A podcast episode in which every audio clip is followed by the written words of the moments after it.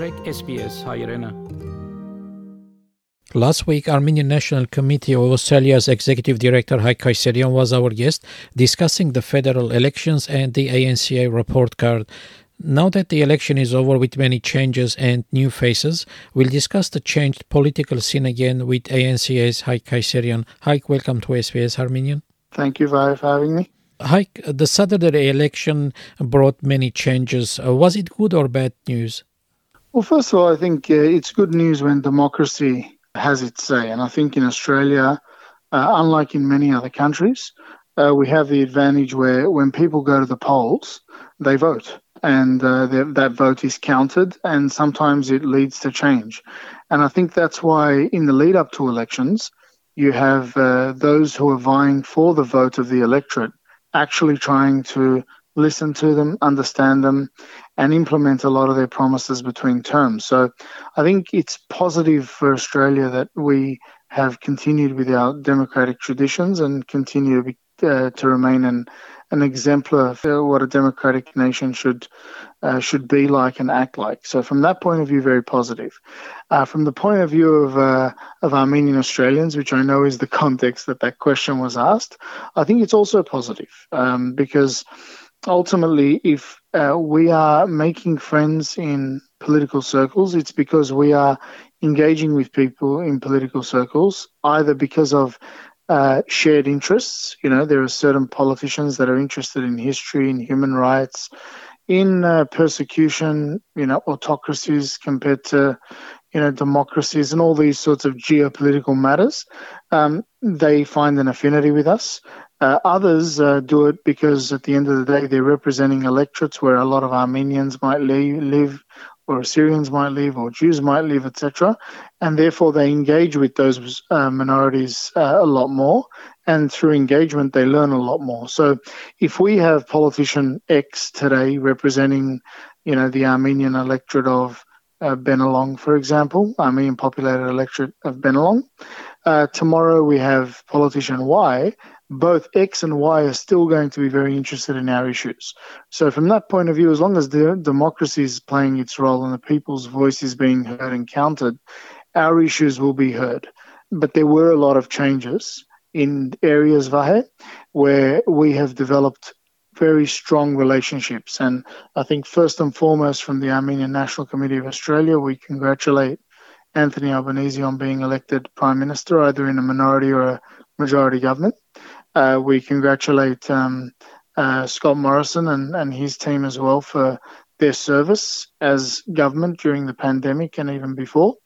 And we look forward to working with both sides of politics as well as a considerable crossbench that is developing as the results continue to be counted uh, on the issues that are important to our community. So, uh, positives, congratulations, and of course, commiserations as well to a lot of people who lost their seats or, you know, have retired from Parliament. We already entered this election, Vahe, with a lot of our friends, John Alexander, Joel Fitzgibbon, and many others, Eric Abetz, etc., who had decided that this would be their last term in government, in parliament. Uh, so we were already losing a lot of friends. However, as we saw, particularly in New South Wales, where if you look at the harbour line from from uh, the Pittwater through to Botany, all of the seats there, which were occupied by Liberal candidates, all quite friendly to Armenian Australian issues. Uh, they all changed hands, and most of them went to independent candidates.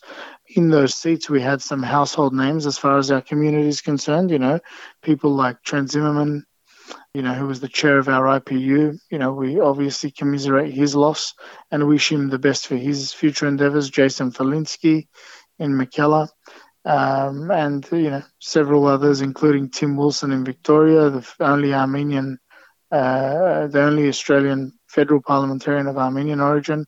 People like Dave Sharma in in New South Wales as well, and all of these uh, electorates have undergone change. It means new, um, you know, relationships will need to be developed and cultivated, and we're ready for that.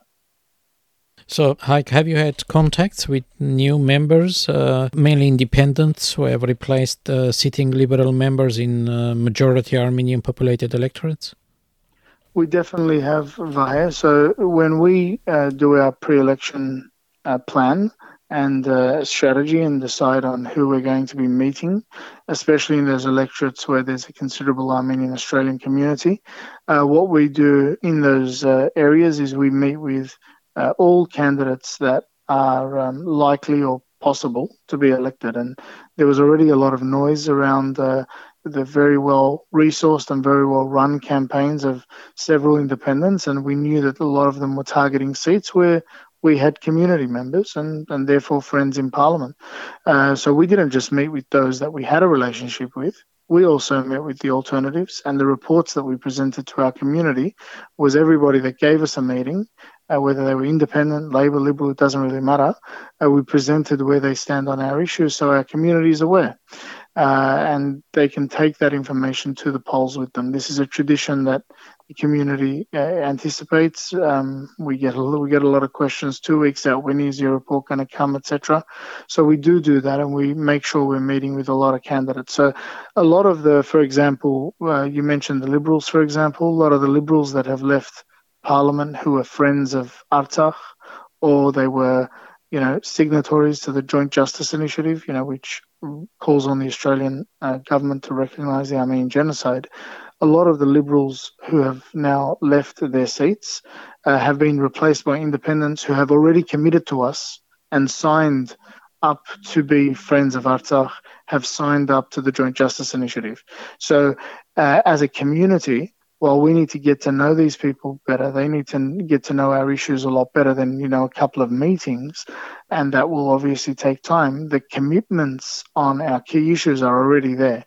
Some of them we may have not had the chance to meet with because of their schedules, you know, in the in the pre-election phase, which we understand. But we'll meet them as soon as they start sitting in Parliament again, and we'll put the same pieces of paper in front of them, and we know that we'll cultivate their support. If it's not on day one, it'll be on day 10 or day 100, but it'll happen. So that's the big task that we've got ahead of us now.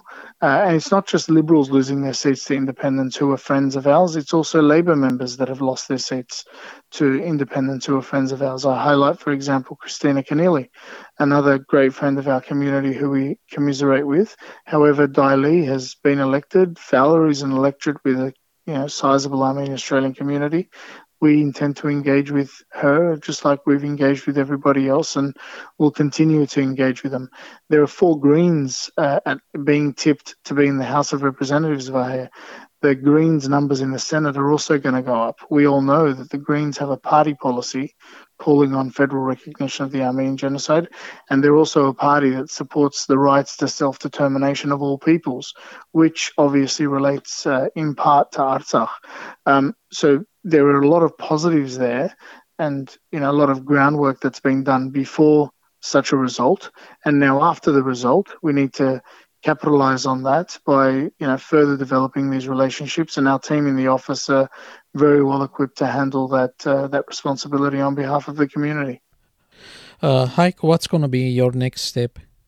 Thank you for that question, Vahe. Look, our next step is recalibrating ourselves. So obviously, in the lead up to an election, uh, you know, just like every political party will now, you know, sit down, review what happened, uh, review their activities, review how they performed. Uh, it is incumbent on us to do the same. We do that every time such a cycle finishes, a federal election cycle, state election cycle, etc. And after that review is conducted, we will make uh, some adjustments. That those adjustments will be in the way we approach this coming parliament, and we will set a schedule in terms of when we're going to visit Canberra first, second, etc., and who are going to be the main actors of this as well. You know, we've uh, all had the privilege of serving the Armenian National Committee at different levels for a long time. We've currently got a young, dynamic team in our in our office, led by Michael Kolokosyan, uh, our political affairs director, Nur Shirinian, um, Arine Izmirlian, Matthew uh, Mikhail, and Daniel Derbedrosyan. We're looking forward to uh, elevating them uh, in this term of parliament and making sure that nobody in Canberra's hallways of power uh, do not recognise the Armenian Australian community's grassroots representatives when they when they roll into Canberra. Hi, thank you for your time and information. Uh, we'll continue our discussion soon. Thank you, Vahe. Our guest was Haik Kayserian, Executive Director of the Armenian National Committee of Australia. Հավնե, լայք, բաժնեկցե, դարձիկը թայտնե, հետևե SPS հայրենին թիմադեդի վրա։